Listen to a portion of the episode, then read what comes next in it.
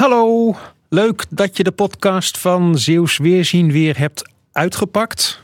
Dank dat je luistert in een bijzondere tijd waarin je hartje vol verwachting klopt. Herinneringskrant Zeeuws Weerzien heeft weer een herinnering paraat met Ali Pankov eh, vanmorgen. Ali, goedemorgen. Goedemorgen Remco. Wat een woordspelingen toch allemaal weer. Ha, ha, ha. Ja, Nou, hè, naar welke plaats neem jij me mee? ik neem je mee naar Oud-Beijerland, want daar ben ik eh, eh, opgegroeid in de Hoekse Waard.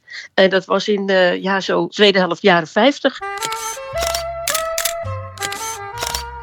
Ali, klopt jouw hartje ook van verwachting?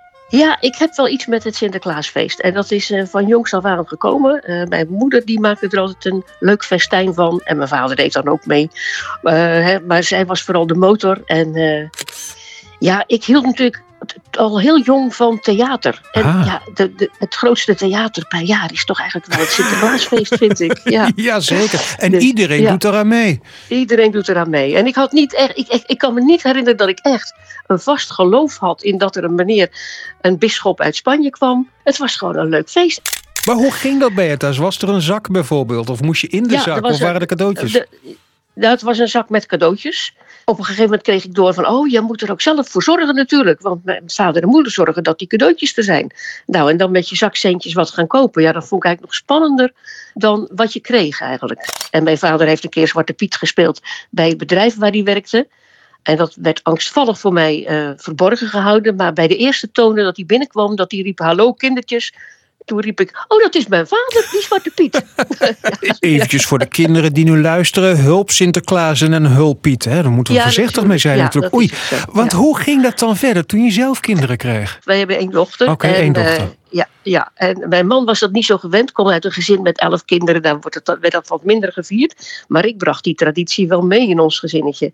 Op een avond eh, had ik dus geregeld dat we twee wasmanden vol hadden. En de buurman die zou even stevig op, het, op de deur kloppen.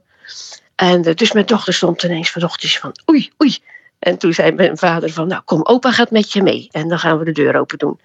En ik zie dat kleine wurm daar nog staan en ze klapt in haar handjes en ze kijkt naar die wasmanden en ze roept allemaal cadeautjes voor jarig. En dat was zo ontzettend vertederende uitspraak. Dat, is dan, ja, dat worden dan van die gezinsuitspraken.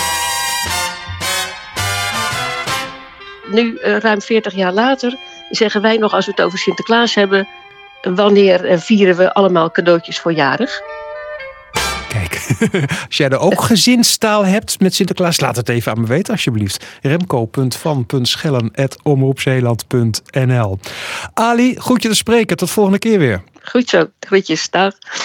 En als jij een herinnering wilt delen, dan kun je datzelfde mailadres gebruiken. remco.van.schellen.omroepzeeland.nl foto trouwens van Ali vind je op zeeuwsweerzien.nl Tot volgende keer.